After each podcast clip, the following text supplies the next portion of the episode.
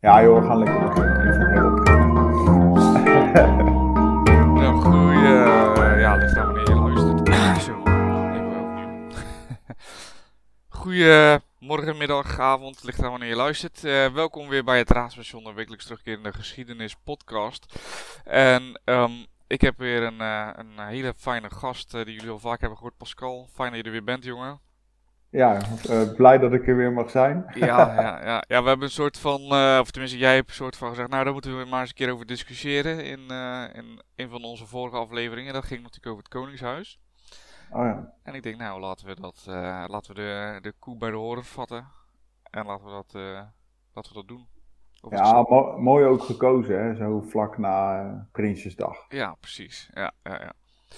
Maar eerst, eh, laten we eerst even kijken waar het überhaupt vandaan komt. Want eh, Nederland is natuurlijk eigenlijk de, de oudste republiek in de wereld. Was, Oh ja? was de oudste republiek in de wereld. Ehm, toen wij eh, met het plakkaat van verlatingen de landsheer werden eh, afzworen in 1581, ehm, was eigenlijk dat hele stukje koningschap en, en het stadhouderschap, wat, ja, waar nu de Oranjes voor staan, werd eigenlijk afgezworen. En eh, ondanks dat we eerst proberen een andere koning te zoeken in, eh, ja, bij Engeland en eh, ik geloof nog een aantal landen waar geprobeerd is om bij aan te sluiten, die wilden ons allemaal niet hebben. Ja, toen hebben we besloten om het zelf te doen. En eigenlijk waren wij toen een republiek. En dat, een van de oudste republieken, of een van de eerste republieken in de wereld. Dus het is dan wel grappig natuurlijk om te zien hoe dat dan later weer terugkentert. Naar dat we nu in één keer een koninkrijk zijn. Een van de, volgens mij eh, zijn we nu een van de langst eh, durende koninkrijken. We hebben in ieder geval nog een, een koning, zeg maar. En heel veel landen zijn er jaloers op. Hè. Duitsland, geloof ik, zijn heel jaloers op, onze, op ons koningshuis. Ehm, Ja, hoe komt dat eigenlijk? dat zij jaloers zijn. Ja, waarom zij dan toch zo'n hang hebben naar, naar, naar zo'n naar zo'n monarchie en zo'n koningshuis als dat wij dat hebben? Toch wel, ik vind dat wel typisch. Ja, nou ja, misschien, eh, misschien komen we erachter naarmate deze podcast eh, langer duurt. ik ben benieuwd. Ja, ja. Als we kijken, eh, zoals ik al zei, met, de, met de republiek hadden we eigenlijk een soort koning afgezworen. Eigenlijk wilden we dat niet meer. Dat heeft ook te maken bijvoorbeeld, er zijn een aantal momenten in onze geschiedenis geweest waarbij de stadhouder van de, de kant van de Oranjes, de familie van Willem van Oranje, ehm, een, een militaire coup pleegde. Zoals in 1618, eh, waarbij hij ook eh, Johan van Orde Oldenbarneveld liet eh, executeren, de raadspensionaris. Ze kregen een beetje ruzie. En je moet wel zien, het politieke bestel op dat moment was stadhouder aan de ene kant als militair leider en ehm, de raadpensionaris aan de andere kant. Als ja, tegenhanger, als soort minister van Buitenlandse Zaken en Binnenlandse Zaken in één, zeg maar. Een soort, ja, je zou het haast kunnen vergelijken met de minister-president.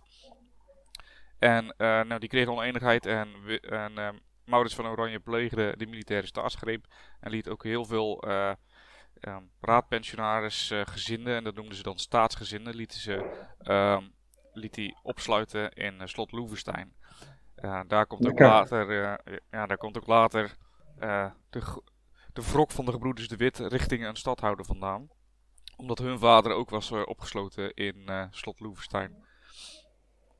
Nou, je ziet in ieder geval eh, dat ook weer terugkomen bij Willem II van Oranje in 1650. Die probeert ook met geweld de macht te grijpen. Eh, met een gewapende aanval op Amsterdam, maar die mislukte. Dus eh, ja, jammer voor hem. Ehm, hij ging ook dood in 1650 en toen kende de Republiek het eerste stadhouderloze tijdperk. En volgens de staatsgezinden was dat de ware vrijheid. Dus op het moment dat je geen stadhouder slash, want de stadhouder leek heel erg veel op een koning. Had heel veel macht, hij had een militaire, ehm, ja, de militaire leiding had hij. Dus op het moment dat hij iets wilde en hij zette de, zijn leger in, ja, dan heb je natuurlijk grote kans dat je krijgt wat je wil.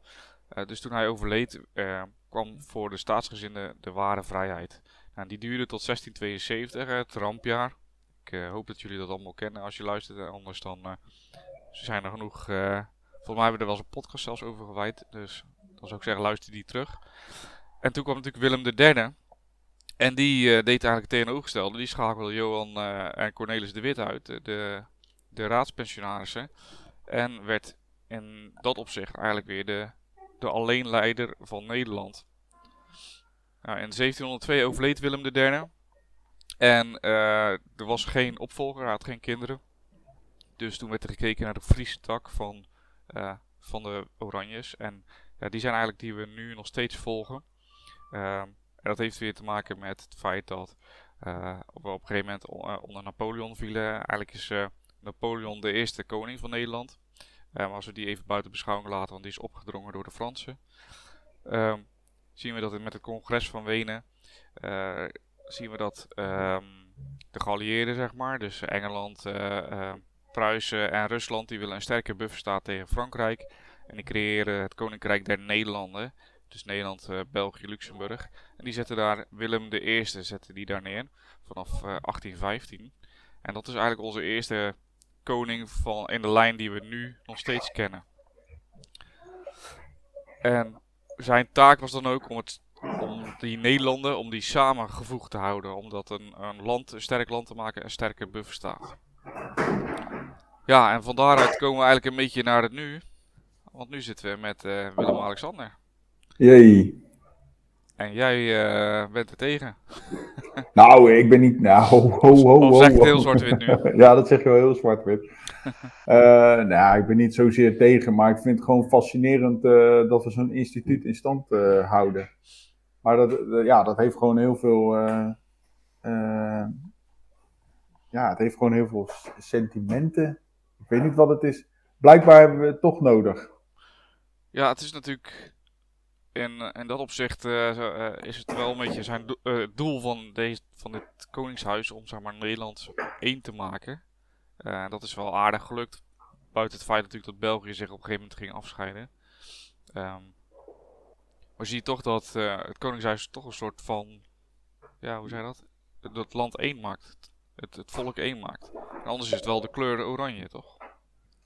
Ja, dat is het ook. En als je daar, uh, zeg maar, dat psychologische effect van hoe uh, mensen zich kunnen verbinden, ja, dan is dit wel een hele belangrijke factor. Ja. Dus ik, kijk, aan de ene kant zeg ik ook van ja, ja, we hebben het nodig. Blijkbaar hebben we het nodig. Want zoals jij net zegt, dan de, hè, het verbindt. Het is, ja, zeg maar, ja, hoe moet je dat zeggen? Het is Nederland in levende lijden. Het is, alleen ik vind dat hele, waar het allemaal vandaan komt en hoe, ze, hoe, hoe, hoe zij, zeg maar, de, de macht hebben gepakt en gegrepen, ja. En hoe ze, zeg maar, in het zadel zijn geholpen. En dan denk ik, ja, als jij nu ook eh, de koning, je bent de koning van een land, uh, welke invloed heb je dan nog? Weet je, het is, zo, het is dusdanig symbolisch dat ik me ook afvraag van ja, moeten we inderdaad ook uh, eh, 68 miljoen daar elke keer, elk jaar aan uitgeven om dat in stand te houden? Ja, ja dat is een goede vraag. Ik weet niet wat het oplevert, dat is een beetje het lastige. Het... Nou ja, je krijgt altijd die discussie. Ja, want uh, voor buitenlandse politiek, uh, het levert ons ontzettend veel op. Dat zeg je ook, ja, in Duitsland zijn ze helemaal jaloers en dan vinden ze het allemaal hartstikke geweldig. En dan voor die, maar ja, weet je, ik vind kosten-baten, vind ik dan, en daar ben ik natuurlijk ook wel weer heel, kijk ik ook wel heel pragmatisch naar. Maar ja, weet je, kosten-baten, ja, wat, wat levert je uiteindelijk op? Ik weet niet of dat heel erg de meet is, maar aan de andere kant ja, we hebben als mensen hebben we gewoon symbolen nodig en tradities. Daar, daar leven we gewoon van. We leven er gewoon van dat op, koning, op Koningsdag uh, de koning uh, samen met zijn familie toiletpotten kapot gaat slaan op een plein in Amersfoort. Dat is, dat, dat, dat, is wat we zien. Ja. Ja, ik chargeer een beetje, maar ja, ja wat, wat, wat doen ze verder? Ja, ja. Ik weet niet. Ja, ik vind het wel bijzonder om te zien, zeg maar, dat je eigenlijk gaat als, als land zijnde, als we even, even het ons gevoel uh, pakken en we zeggen nou, uh, de, de republiek, uh, dat, was, dat, dat, was, dat waren wij, zeg maar. Als, als je dat even zo, dat kan je natuurlijk eigenlijk niet stellen, maar als je dat zo stelt, dan zou je toch zeggen van, ja, weet je, we waren een van de eerste republieken in de wereld, dan niet de eerste republiek in de wereld. Waarom zijn we daar dan niet trots op en ja. zetten we dat voort, zeg maar. En, dan in één keer zie je die omschakeling naar, die, naar dat koningshuis. Dat gezegd hebben is het natuurlijk wel zo dat de, uh, de Oranjes altijd heel populair waren bij het gewone volk. Hè? Dus uh, zeg maar bij bestuurders en uh, edelen was het vooral ja, republiek zijn, het, het, het los zijn van een koning. Terwijl bij het gewone volk was het eigenlijk ja, zijn die Oranjes altijd heel populair geweest. Dat Ja. zie, dat zie je ook terug natuurlijk eh, met het rampjaar in 1672, waarbij het volk eigenlijk verlangt dat de stadhouder ze komt redden, om het zo maar te zeggen. Net zoals dat hij deed met de 80-jarige oorlog. Ja, ja inderdaad. De redder, de redder van het volk. Ja, ik heb zelf wel, ik weet niet of jij dat hebt, maar ik heb zelf altijd wel, eh, eh, ik was er bij Koningsdag bij, en toen, de eerste Koningsdag in Dordrecht was ik erbij, stond ik, stond ik op het plein te juichen voor onze koning. Ja, ik ben niet zo excentriek dat ik echt helemaal eh, als een malle daar in En het eh, oranje Johan. Flemings tekeer gaat daar. Maar ik vond wel, ja, je voelt dan toch een soort van die opzweping, die, eh, dat samenhorigheid, dat voel je dan wel als je daar staat. Dus in dat opzicht, net wat je zegt, die, die hang naar symboliek En en tradities. tradities, ja. dat is toch iets wat je, als je niks anders gemeen even, je wil als, als persoon altijd ergens bij horen. Dus het, is, het werkt wel. Ja, Dat maar daar, daar, daar zijn nu ook toch hele theorieën over. eh, dat, dat beschrijft die Hariri in dat boek. En eh, je hebt ook, eh, volgens mij is dat dat het getal van Dunbar. Ken je dat? Nee, dat is, Dat is echt zo'n interessant. Toen ik dat las, toen dacht ik, ja, ja, ja, ja, ik begrijp het. Dat is 148. Het getal van Dunbar is 148. Dan zou je zeggen, ja, waar, heb jij, waar gaan we heen met deze podcast? Maar dit is echt zo grappig. Eh, ze hebben onderzoek gedaan bij eh, primaten. En eh, ja, mensen zijn daar ook aan afgeleide van. Ik doe het nu even in mijn bewoording hoor. Ik ben geen wetenschapper. Maar eh, die hebben dus de, de, nou, de verschillende hersen, hersencapaciteit bekeken van primaten en ook van mensen. En, eh, eh, en daaraan konden ze dus koppelen. Dus hoe groter je hersencapaciteit is, hoe meer verbindingen jij kan leggen, hoe meer relaties jij aan kan gaan. En nou blijkt het dus bij, ja, bij apen bijvoorbeeld, even bij bonobo-apen en zo, dat die in een groep van 32 kunnen leven. En waarom zijn die groepen dan 32 of zo ongeveer 35 apen in zo'n groep? Omdat die hersencapaciteit van die apen eh, kunnen niet meer verbindingen aanleggen, vriendschappen aanleggen. Dus die relatie, die zo- zo'n groep wordt nooit groter dan 35 apen. En onderzoek wijst dus uit dat mensen ongeveer 148 relaties aan kunnen leggen. Dus je kan maar maximaal met 148 mensen kan je dus een soort eh, sociaal, eh, sociale band opbouwen. Hè, daar gaan mensen af, komen mensen bij, maar het is niet, het is niet meer mogelijk om dat... En dan zou je zeggen, ja, maar we hebben toch eh, Facebook en, en Instagram waar ik meer dan 500 volgers heb. Maar ja, dan moet je jezelf ook afvragen, hoe is die relatie met die, met die mensen inderdaad? Hoe, hoe diep gaat die relatie inderdaad? En wat hij ook zegt, eh, meer dan 150 hè, voor het gemak, dan wordt het dus lastig om, om dus verbinding met elkaar te hebben. En dat zie je in het leger, zie je dat ook terugkomen, want ehm, een compagnie is ook niet groter dan 120. Wordt het groter dan dat, dan heb je dus iets nodig, waardoor dus die groepen met elkaar verbonden wor- worden. Ja, en dan kan je daar dus een leider boven zetten, of een idee, of een ideologie, of een gedachte. En dan wordt het imaginair. En dat is dat koningshuis precies hetzelfde. Het is iets imaginairs. Het is een gedachte. Weet je, ik bedoel, ja, Nederland, wat is dat? Ja, dat is een, een grens. Maar ja, als jij ergens bij de grens met België staat, zie jij niet dat daar een grens is. Dus het is een, het is een gedachte. Het is een, eh, en daarom hebben wij dat wel dat koningshuis nodig. En eh, om dus die algehele gedachte dat wij met 17 miljoen mensen Nederlanders zijn, omdat, ja, daar moet je een soort beeld van hebben. Ja, en dat is het, dat koningshuis. En, en dat werkt zo, dat vind ik zoiets eh grappigs, want ik denk ook echt wel dat dat dan zo werkt. Weet je, dat is met geloof precies hetzelfde. Ja, hoe kan jij eh, 1,2 miljard mensen met elkaar verbinden? Ja, door een bepaalde gedachte dat er een alomvattende God is die jij niet ziet. Uh, maar we denken daar wel hetzelfde over. Want ga maar naar een katholiek in, uh, in, in Italië vragen over hoe, hoe dat dan zit. Maar iemand in Zuid-Amerika denkt daar precies hetzelfde over. Maar het is, het is een gedachte. Dan kan je wel zeggen, ja, nee, dat is echt waar of niet waar. Nee, maar het is een gedachte. Maar we geloven wel met z'n allen in hetzelfde. Ja. En dat is met dat koningshuis precies hetzelfde. En wij mensen, als we dus in grotere groepen leven, dan hebben we dat nodig. Ja. En daarom, daarom hebben we zo'n hang naar symboliek. En daarom hebben we zo'n hang naar, uh, naar, naar kleuren en dingen en zo. Weet je, ik ga vanavond naar ADO. Nou, drie keer. Het is allemaal kloten. Maar we hebben er wel met z'n allen hetzelfde geloof in. Weet je wel? Het verbindt ons wel. Ja. En dat is denk ik met het Koningshuis precies hetzelfde.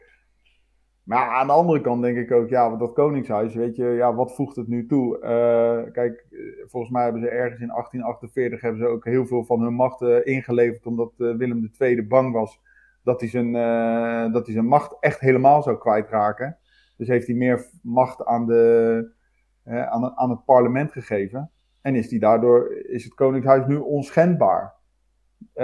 dus ze leveren wel steeds meer macht en invloed le leveren ze in. Ja, omdat ik vind dat zeg maar, een land leiden, dat, dat moet je aan professionals overlaten.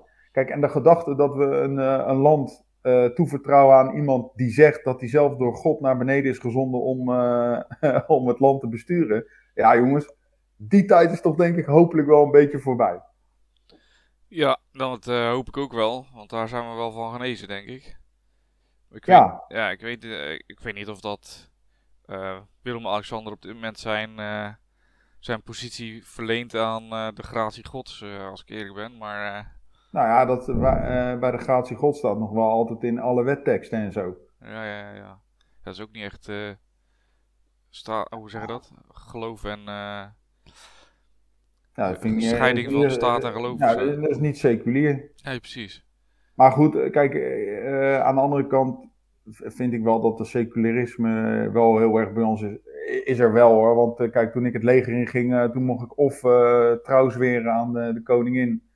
Of ik mocht het ook beloven. Dus want dan, je zweert dan trouw aan de koningin en aan God. Nou, dat wilde ik niet. Dus dat mag je ook beloven. dus, dus, dat vind ik dan ook wel weer netjes. Maar ik, ik ben het eens. Ja, het zit overal zit het er nog in, in verweven. Ja, dus eigenlijk zien we door de geschiedenis heen dat er twee dingen nodig zijn. Dus je hebt de ideologie, hè, daar hebben we het al eerder over gehad. Uh, godsdienst bijvoorbeeld. En eigenlijk die ene persoon die dat dan belichaamt. Ja, ja, zij zijn de belichaming van de kroon. En, en ik zie wel, en ik was daar eerst ook allemaal tegen, ja, rituelen en, en dat soort gekkigheid allemaal. Maar blijkbaar hebben we het wel nodig, in wat voor vorm dan ook. Het geeft ons ook houvast. Het geeft ons ook uh, richting. Het geeft ons ook duiding. En, uh, en dat zit er wel heel erg, uh, heel erg diep in. Dus, de, ja, aan de, dus zeg maar, in, in die zin ben ik er wel, snap ik wel dat er een koningshuis is. Maar aan de andere kant, ja, om het land te leiden en zich te bemoeien met politiek, denk ik, ja, laten we daar nou alsjeblieft gewoon voor zover mogelijk ook gewoon professionals het werk laten doen. Ja. ja. af en toe twijfel ik er ook nog wel aan. Ik wou zeggen, ik denk dat er heel veel uh, mensen zo uh, zeggen tegen jou, wat is dat voor podcast uh, politiek op dit moment? Ja, jongens, ga even daar even de dingen regelen. Maar ja, goed. Ja, hebben we al een kabinet? Nee. Nee, wel maar niet. In ieder geval nee, op het moment van opnemen hebben we nog geen kabinet, nee. Nee, precies. Maar, maar het kan allemaal zomaar veranderen. Ja, we moeten dat ook wel relativeren, hè, want ehm, schijnbaar uh, heeft het wel eens langer geduurd, zeg maar. Toen, dus het is niet zo dat dit nou uitzonderlijk is op dit moment. Nee, maar uh, weet je, ik wil niet met die, die wil niet met die. Het lijkt verdorie het schoolplein wel. Jij mag niet op mijn feestje komen, hou nou eens even op. Maar ook, en, en daar ben ik wel weer van, maar goed, nu gaan we een beetje afdwalen. Maar ik vind ook, nee, maar weet je wel, ik, ik, ik vind sowieso eh, politieke partijen met een, met, een, uh, met een christelijke inslag, daar vind ik sowieso al uh, wat van. Want, uh, nou, nee, die baseren zich dan hè, op, op naastliefde en dat soort dingen allemaal. Ja, vind ik ook allemaal wel prima op de Bijbel. Maar ja, jongens, vind ik ook niet meer van deze tijd. Nee. Nee, nou ja. kijk maar naar het CDA, dus die heft zich aardig al zelf op. Maar dat vind ik ook een mooi, mooi stukje van naaste liefde. Weet je, het kan ook niet naast elkaar, politiek bedrijven en, uh, en geloof. Nee, ja, dat, uh, de, nee, ja, oké, okay, dat vind ik nog wel een statement. Daar moet ik even over nadenken. Nou, denk er, ja, denk er maar over na. nou ja, ik, ik, vind wel, ik vind wel dat je gelijk hebt in die zin dat, we, dat je geloof en uh, politiek uit elkaar moet houden. Anderzijds is het een vertegenwoordiging van het volk, dus een deel van het volk dat dan een geloof aanhangt wil dan ook ge, vertegenwoordigd worden? Of, wat moeten zij dan vertegenwoordigen? Wat, wat, wat moeten zij dan, waar, waar zijn zij dan nou, ja, waar, wat willen zij dan vertegenwoordigd hebben? Ja, toch die samenhang denk ik van eh, waar we het net over hebben, die symboliek en die, eh, en die, eh, hoe zeg je dat, die tradities. Mhm. Ja, dit willen ze dan toch op een of andere manier terugzien in, in, in de regering of zo. Of dat zij het gevoel hebben dat zij er mogen zijn. Nee, ja, ik denk dat dat iets anders is. En het is dus, kijk, ik, ik hang een bepaald geloof aan, dus ik hoor bij- een bepaalde club. Dus ik wil dat mijn club ook blijft voortbestaan. En mijn club wordt dan altijd bedreigd door andere clubjes, eh, die dat voortbestaan of eh, dreigen, hè, mijn cultuur en waarden en zo eh, in te perken of te laten verdwijnen. Omdat de ander, de ander denkt daar dan weer anders over. Ah, jongens, ik vind, ja, ik vind sowieso ja, de tien geboden, die zijn al hartstikke oud, man. Zijn die ook niet een keer toe aan een eh, revisie? Ik bedoel, die zijn op zich met de beste intenties zijn die allemaal geschreven hoor. En ook, eh, die, die, die, die kloppen ook wel. Maar ja, jongens, ehm, ja, ik vind dat het ook tegen het licht van de tijd van nu een keer moet worden gehouden. Dat mag best wel eens een keer eh, wat vernieuwing in komen. Maar ja, dat zien zij dan weer als een aantasting van. En je mag daar verder niet aankomen. Ja, dan blijf je altijd een beetje hangen en een beetje zitten. Ja, Ja, ik vind, ja, ik vind altijd, er is één ding zeker, eh, dat is dat er verandering plaatsvindt. En ik heb altijd het idee dat er uit die kring, hè, uit, zeker uit die, eh, dus dat conformistische, traditionele, confessionele partijen, ja, daar komt toch ook helemaal geen verandering uit voort. Kom op, hé. nee, dat kan. Ja, ik ben, ik ben, ik merk dat wat pro, ik ben wat progressiever, merk ik. Merk ik. Ja, nou ja, eh, kijk, je ziet natuurlijk altijd dat die golf eh, zeg maar omdraait. Hè? Dus op een gegeven moment heb je eh, de, de, de, de partijen die verandering willen. En op het moment dat die verandering er is, dan wordt het een, ja, dan willen ze dat behouden. En dan wordt het weer, ja, dan worden de andere partijen weer, zeg maar, progressief in dat, in dat opzicht. En dan worden zij conservatistisch, ehm, omdat ze die, wat ze hebben bereikt willen ze behouden. Eh, en dan zie je, ja, eigenlijk zie ik dat ook wel aan de jeugd nu. Als ik kijk naar onze jeugd, of tenminste in ieder geval, jij bent nog net iets ouder dan ik ben. Dan, Ja. ja. Dat wil ik nog even benoemen. ja, je wilt nog even benoemen. maar als ik kijk naar mijn jeugd, weet je, wij waren heel eh, vrij eh, in de zin, eh, qua seks bijvoorbeeld, of qua, hoe zeg je dat? We waren niet preuts, we waren echt totaal niet preuts. En tegenwoordig heb ik het wel het gevoel dat dat weer helemaal terugdraait naar hele preutse jeugd. Ik weet niet eh, hoe jij dat ervaart. Ja, dat nu, eh, ik las nou een artikel dat jongeren ook niet meer douchen, eh, met, die douchen dus nu met een onderbroek aan. Ja. Ja, maar weet je wat het ook is? Omdat wij nu, dat, dat vond ik ook wel, wel, wel weer interessant, is dat nu ook je blote lichaam wordt altijd maar gelijk geassocieerd met, met seks. Maar ja, dat is natuurlijk nu ook, ja, ik hoef mijn telefoontje er maar bij te pakken en ik kan, nou ja, je, je, weet je, porno is nu, het, het is nog nooit zo dichtbij geweest. Het is nog nooit zo makkelijk te vinden. Dus alles wordt met, eh, met, met, ja, met seks geassocieerd. Ja, dus eh, da- dan wordt al heel snel eh, als iemand in, ja, als je dus gaat- met z'n allen gaat douchen en je staat daar, dus dan, ja, we we hebben het dan over kinderen, hè, kom op. Ja, Ja. dan gaan we elkaar al gelijk beoordelen en oordelen op hoe iemand anders eruit ziet. Maar ja, dat komt ook weer door de social media. Ik bedoel, moet jij eens kijken op social media hoe mensen eruit zien.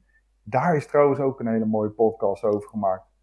Ehm, ja, dus dan associëren we het of met seks, of je moet er goed uitzien. Dus ja, we gaan dan heel wat meer. Ja, dan ga je naar jezelf kijken en denk, nou, dat, is eigenlijk ook, eh, dat ziet er eigenlijk ook niet uit.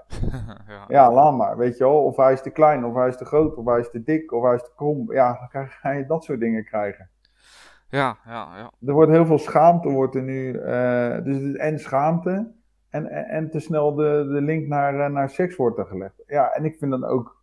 Daarom ben ik ook zo blij dat er dan zo'n serie als Sex Education is. Maar dat er ook. ehm, hoe heet het? Ja, ik denk ook dat mensen zich ook niet meer goed laten voorlichten. Er is ook helemaal niemand. wa- Waar wordt er in ieder geval iets verteld over. eh, eh, hoe heet het? eh, seksuele voorlichting? Waar, weet je, waar gebeurt dat, dat nog? Op school? En hoe gebeurt dat? Ik weet niet hoe dat, hoe dat op school gebeurt. Volgens mij valt dat best wel tegen eigenlijk. Ik ga het toch eens aan mijn zoon vragen. Ik ga het toch eens vragen. Ja, nou, als ik, ik heb het wel eens met mijn dochter over gehad, maar met biologie bijvoorbeeld. En dan gaat het vooral over de feitelijke dingen. Dus eh, wat een erectie is of uh, wat ongesteldheid is. Of, maar dan gaat het niet zozeer over... Dat het fijn is. Dat lekker is. Dat je ervan kan genieten. Ja. En dat, dus, dat, dat je er, of twee, dat, dat, je er, dat je er in ieder geval, dat je het allebei wel heel fijn kan hebben. Dus uh, aan, ja, weet je. Maar dat komt dus, ik denk dus dat de, de invloed van social media en de invloed van de media en internet ook wel een bijdrage leveren aan, uh, aan het beeld wat wij dus daarover hebben. Ja, dat denk ik ook wel. Want ja, weet je, porno die je ziet, dat is niet. Uh, dat, nee, dat is, dat, dat, is niet, dat, dat is niet de norm, weet je wel. Maar als je dat echt als norm gaat zien en je ziet al die lijven erbij en je kijkt naar jezelf en denkt, ja, hey, kut, ik voldoen niet aan die norm. Ja, ja. ja dan. Uh, maar dat is ook wel, dat probeer ik ook wel mijn kinderen mee te geven. Van, uh, ja, weet je, het is uh, allemaal gefotoshopt. Uh, als, je, als we het hebben over Instagram en hoe zeg je dat? influencers. is allemaal gefotoshopt, is allemaal nep. Ja, en het is niet de norm, weet je wel. En ook porno inderdaad is gewoon niet de norm. Dit is niet hoe je. dit is niet, het is niet normaal als je een pizza bestelt dat je dan vervolgens vijf minuten later op de bank ligt te ketsen. Bijvoorbeeld. Oh, ik dacht altijd dat de loodgieter even langs kwam. Kan ook. Fixt even de pijpen. Dus. Maar goed, we gaan nu van het Koningshuis naar, uh, naar hier. Dus, uh, ja, we dwalen lekker af. Ja, we dwalen af, ja. Oei, oei, oei. Nee, maar ik denk, uh, we gaan even lekker discussiëren. Maar eigenlijk zijn we ja, het wel een beetje met elkaar eens.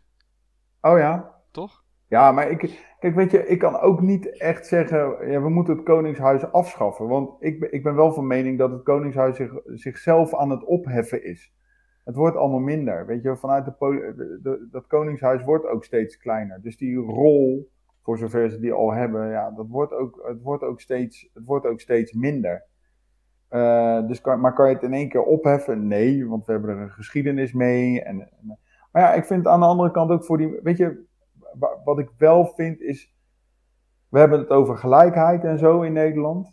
Maar het Koningshuis, het, het, als je toevallig dan geboren wordt hè, als kindje van een koning, dan ben je al gelijk prinses. Dus waar is dat gelijkheidsbeginsel? Want je bent dan al wel meer. Ja, maar je kan niet iedereen uh, prins of prinses maken, toch? Nou ja, als ik dat zo een beetje zie in de samenleving, uh, voeden we al onze kinderen een beetje op als prins of prinses. Maar goed, nou ja, dat is iets anders. maar ik, ja, dan denk ik, hmm, ja, daar klopt het dus niet. Dus daar, ik heb daar wel uh, tegenstrijdige gedachten over. Wat jij in het begin ook al zei. Dus ik, aan de ene kant begrijp ik het heel goed dat we het hebben. En aan de andere kant denk ik van ja, weet je, schaf het af. Stop daarmee. Maak er mooie musea van. En uh, weet je, in Duitsland werkt dat toch ook gewoon prima. En in Frankrijk werkt het toch ook prima. Daar hebben ze toch op een gegeven moment ook gezegd voor jongens, kappen met die onzin. Uh, we hebben een republiek. Uh, ja, gaat het nou zo slecht in Duitsland? Nee. Gaat het zo slecht in Frankrijk? Nee. Nee, eigenlijk niet, hè? Nee, en als je dan kijkt naar de Crown, en dat, ik weet niet of dat heel representatief is, maar, nou ja, goed, ik heb ook niet het idee dat de mensen die daar in dat instituut zitten ook zo super gelukkig zijn. Nee, ja, ik, heb je het uh, interview gezien van uh, Markle en, uh, hoe heet die? Harry. Harry en Markle ja, die kwamen ook niet echt uh, die, uh, over. Ja, ik vond het wel lastig om, uh, om. Dan denk je, ja, jullie zijn niet voor niks uitgestapt, weet je wel.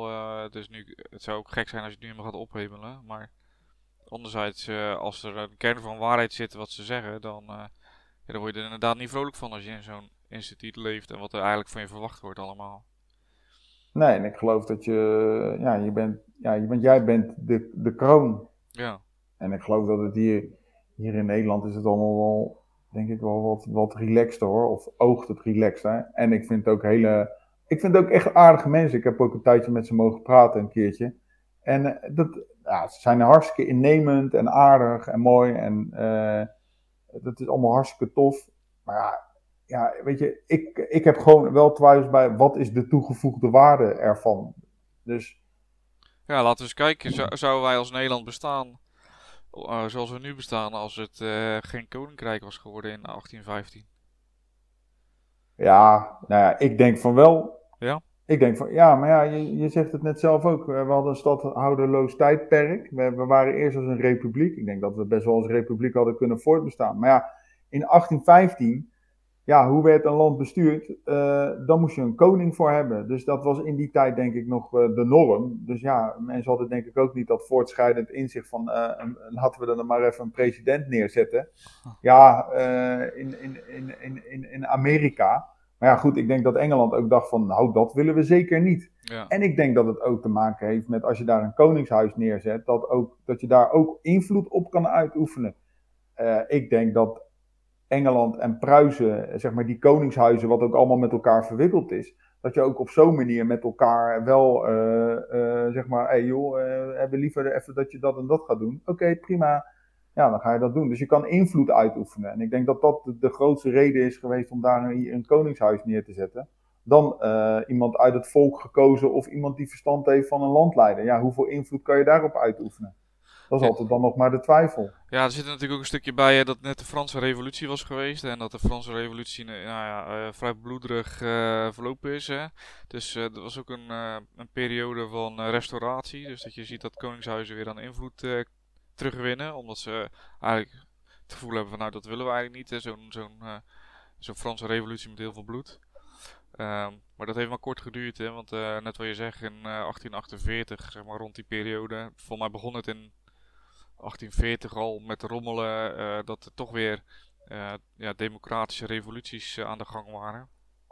Dus in, ja, voor Nederland in 1848 is het vrij geweldloos verlopen, omdat ja, wat, wat, was de spreuk ook weer? Koning Willem II is van één nacht van absolute monarch naar democraat omgeswitcht. Dus ja. ja, dus daar zit natuurlijk ook wel een stukje bij waarom waarom wij in één keer weer een koning uh, kregen. Ja, ik vind wel. Uh, ja, ik vind het wel interessant. Want eigenlijk hebben we maar heel kort. Eh, als je kijkt, relatief kort. Zeg maar, die koning gehad. Vanaf 1815. Dat is natuurlijk niet zo heel ver geleden. Nee, dat is nog niet zo heel lang geleden. Maar goed, uh, ja, we zitten er nou nog steeds mee. Ja. Hoe, hoe komen we er vanaf? Is dat ja, ja, weet je, kijk, ja, hoe komen we er vanaf? Jongens, ik denk, uh, je, je, kan ook niet uh, zo in één keer op morgen zeggen van... Kijk, weet je wat, die 1848 in die revolutie was er ook fucking veel armoede en ellende. Ja, en dan ga je in één keer kijken naar iemand die wel rijk is. En dan, zie je, dan, dan is dat verschil veel te groot. Ja, en als je nu kijkt, ja, natuurlijk is hier in Nederland ook wel armoede, maar we hebben het relatief ten opzichte van de rest van de wereld hebben we het ook wel goed. Dus ja, vinden we, kunnen we het erbij, dat, ik denk dan ook de vraag is, kunnen we het er allemaal bij hebben? Ja, dan kunnen we het er wel bij hebben. Ja. Volgens mij zijn we wel dusdanig rijk dat we die 60 miljoen per jaar wel kunnen missen. Ja, ja, ja. Ja, ja, ja eens. maar, je, maar je ziet ook bij de mensen zelf, uh, bij, bij het Koningshuis zelf, zie je ook al een verandering. Weet je wel, uh, ook Beatrix. Beatrix was echt een heel statige vrouw en afstandelijk. Komt op mij over. En, en hield redelijk de regie wel uh, in, in, in, handen. Hè? Dus die, die, die had en uit ook invloed op, op de formaties en dat soort dingen. Ja, en nu zie je koning Willem-Alexander. En daar heb ik wel het idee dat het wel allemaal wel wat losser is. En, en, en, en zich wat minder bemoeit met, met, het, met zeg maar het, het regeren van het land. Ogenschijnlijk, hè. En ik, kijk, en als ik nu al zie dat, uh, weet je, Amalia. Ja, Amalia.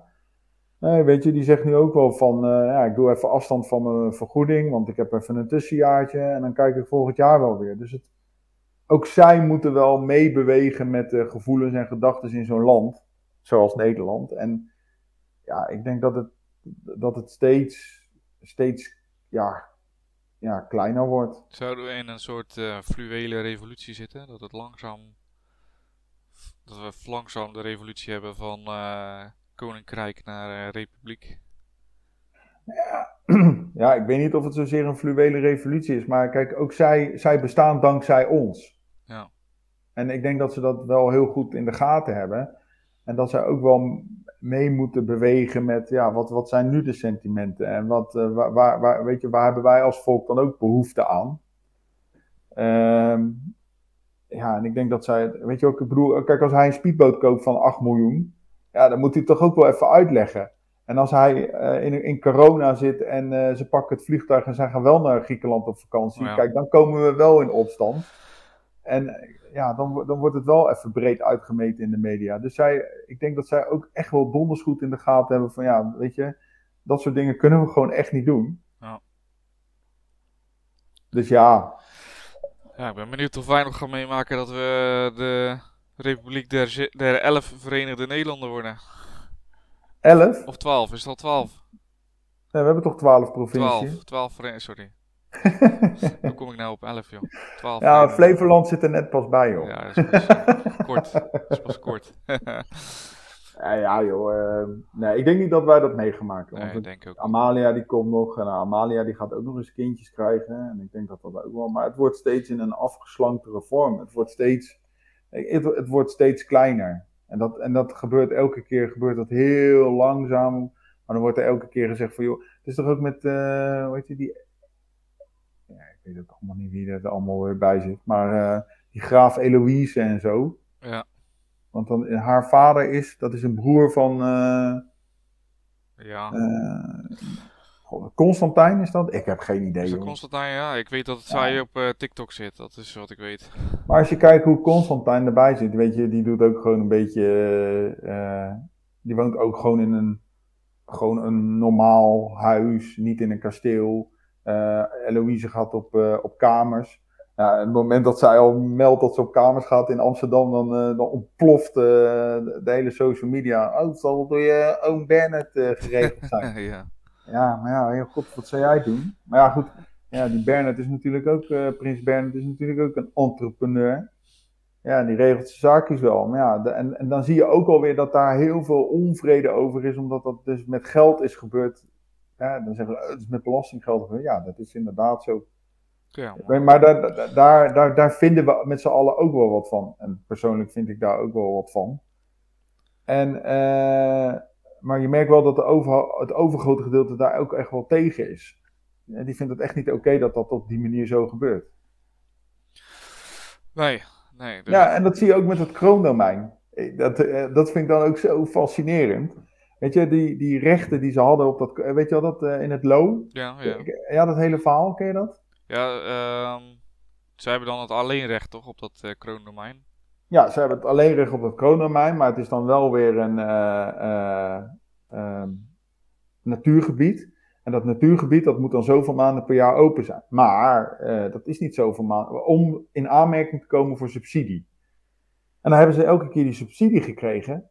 Alleen dat kroondomein is langer dicht eh, dat, om, voor de jacht. Dus eigenlijk hebben ze geen recht op die subsidie. En dan vind ik dat ook altijd wel weer mooi, want dan gaan natuurlijk, en dat vind ik dan weer wel mooi van de media, die gaan op, op zoek en die gaan onderzoek doen en die gaan kijken en dit, en die stellen dat soort eh, dingen aan, eh, aan de kaak, weet je wel, van jongens, wat gebeurt hier? Je hebt hier eigenlijk geen recht op. En dat vind ik dan ook wel weer grappig om te zien dat ook dat hele instituut Koningshuis wordt ook in stand gehouden door de mensen die er werken. Want ik geloof nooit van zolang zoals leven dat Willem-Alexander s'avonds thuis komt op Huis ten Bos, dat hij even de, de, de, brieven erbij pakt. Dat hij die brief opent, dat, dat hij denkt van, oh, ja, die subsidie, dat moeten we even zo regelen. Dat zijn ook andere mensen die, die hierbij gebaat zijn en die het heel erg in stand houden. Die zo'n koningshuis ook eh, levend houden. Ja, Omdat zij daar zelf gewoon een voordeel bij hebben. ja. Maar goed, uiteindelijk is het nu wel zo, en dat vind ik wel mooi, dat dat kroondomein, hé hey, luister, of je gaat gewoon eh, zoveel maanden per jaar open en dan eh, kan je die jacht op je buik schrijven. Of eh, we trekken de subsidie in. ja. Nou, en, en dan vind ik prima. dus ja, de macht van de koning die boet langzaam in. Ja, En wie weet, over eh 100 jaar hebben we, er, hebben we geen koningshuis meer. Nou, 100 jaar wel snel, hè? ja ik, denk, ja ik denk dat het dan. eh, ja, dat heb je nu toch in Duitsland ook. Dan heb je toch ook nog van die adellijke families. Die, eh, ja, die, die zitten dan op hun kasteeltje. Ja, vroeger waren we ooit de leider van. Of eh, ooit waren we de, de koning van, van Nederland. Maar ja, nu, nu zijn we gewoon nog adel. Ja, ja, ja, precies. Nu zijn we hogere adel, lagere adel. En gewoon plebs. Ja, maar dat, eh, dat, is wel grappig, want er is nog best wel veel adel in Nederland. Ik, moest, eh, ik was ehm, eh, voorzitter van stembureau. Dat was echt leuk om te doen. En ik zat in, op het Benoorde Hout. Ja, nee, het zat ik. En aan de rand van Wassenaar. Oh jongen, als je dan ziet hoeveel jonkvrouwen en zo. En, en ik, er was ook nog een. eh, ehm, ja, een markies. Ja, dat was echt super grappig. Oké, dat is eh, Dus dat bestaat gewoon nog. En dat vond ik zo grappig. Ik zeg, huh? Ik wist niet meer dat dat bestond, joh. Ja, echt. grappig. Ja, dat is allemaal nog die oude adem. Ja, dat zit allemaal daar, joh. Ja, ja nou, daar, daar ben ik niet. Nee, eh, ik, wat zei ik nou? Ja, markies? Nee, een barones. Een barones. een Het barones. was een barones. Ja, dat is toch grappig? Ja. Wat doe je dan ook, zeg maar? Wat is dan... eh, wat maakt jou dan nog verder, behalve dat je geboren bent, wat doe je dan? Want vroeger had je natuurlijk als adel bepaalde functies, maar wat doe je nu nog als adel? Heb je dan nog steeds, eh, of zit je gewoon met je, in je kasteel met jezelf te spelen als barones? Joh, ik heb geen idee. Nee. Ik heb echt geen idee, maar ja, blijkbaar heb je dan nog zo'n eh, eh, zo'n titel. Ja. Nou, grappig. Oké, ja, ik probeer een beetje af te ronden eigenlijk. Maar, oh, eh, en ik probeer het elke keer weer nog gaande te houden. eh, ja. Oh, ja. Nee, maar jij bent de baas. Nee, zeg het maar. We stoppen Nee, ja, kijk, eh, we kunnen er heel lang over hebben, maar Ja, het moet ook wel interessant voor de luisteraar ja, zijn. precies. Het moet niet zo zijn dat het op een gegeven moment een heel warrig verhaal wordt van... Is het al? Dat is het al. Ja, dat is het. Nee, ik, kan mij het schelen. ik kan me ook helemaal niks schelen. Ik doe dit in mijn vrije tijd. En dan- Daarom, het is aan jou of je luistert of niet. precies. Of je wil luisteren. worden er ook niet voor betaald, hè? Dus het is ook... Oh, nee, joh. Het is een symbolische functie, dit. Ja, dan kun je het net zo goed opheffen. Ja, ja, ja, precies. Ja, wat winnen ermee als Nederland? Ja, weet ik niet. Ja, ik weet het niet. Ik, zo- ik zoek ook een eh, podium om een keer eh, mijn mening te verkondigen. Ja, Ja, ja, precies. En ik ben blij dat je dat doet op mijn, eh, op mijn podium. ja mooi dat jij daar ook ruimte voor biedt. Heel Ja, fijn. Ja, nou, mooi. Ja, bedankt in ieder geval dat je, er, dat je er was, Pascal. Ja, graag gedaan. Ik weet niet of iedereen er nu heel veel wijzer van is geworden. Nee. nee, we zijn er vooral naar hergegaan. Maar goed, maakt niet uit. Mocht je er een, eh, een eh, mening over hebben, dan eh, kan je die altijd sturen naar geschiedenis.paulushistoricus.nl Of je vindt me op een van de social media waar Paulus Historicus is niet, hoe zeg je dat? Gefotoshopt of een, een slecht beeld van de realiteit. Dus dat is altijd veilig om te volgen, ook voor je kinderen. ja, gratis Ja. reclame. Nee, ehm, wat overigens wel grappig is, is eh, aan de hand van de aflevering van eh, over het Doggerland ehm, heb ik een filmpje online gezet. Dat gaat eh, specifiek, is wel een Engels filmpje, gaat specifiek over wat er gebeurd is met Doggerland, hoe dat is vergaan, zeg maar. Dus als je dat interessant vindt, staat nu op mijn social media kanalen. Dus check dat vooral. En dan wil ik jullie weer bedanken voor het luisteren naar dit onsamenhangende verhaal. ja, ja, sorry. Ik kan er ook niks anders van maken. En dan eh, zien jullie, of horen jullie ons, eh, of mij in ieder geval, volgende week. En eh, misschien dat Pascal nog wel een andere keer aansluit. Dat, dat komt vast goed. Ja, tuurlijk. Voor al uw onsamenhangende chaotische verhalen. Is goed. Nou, hartstikke bedankt voor het luisteren en tot de volgende keer. Yo, tot ziens.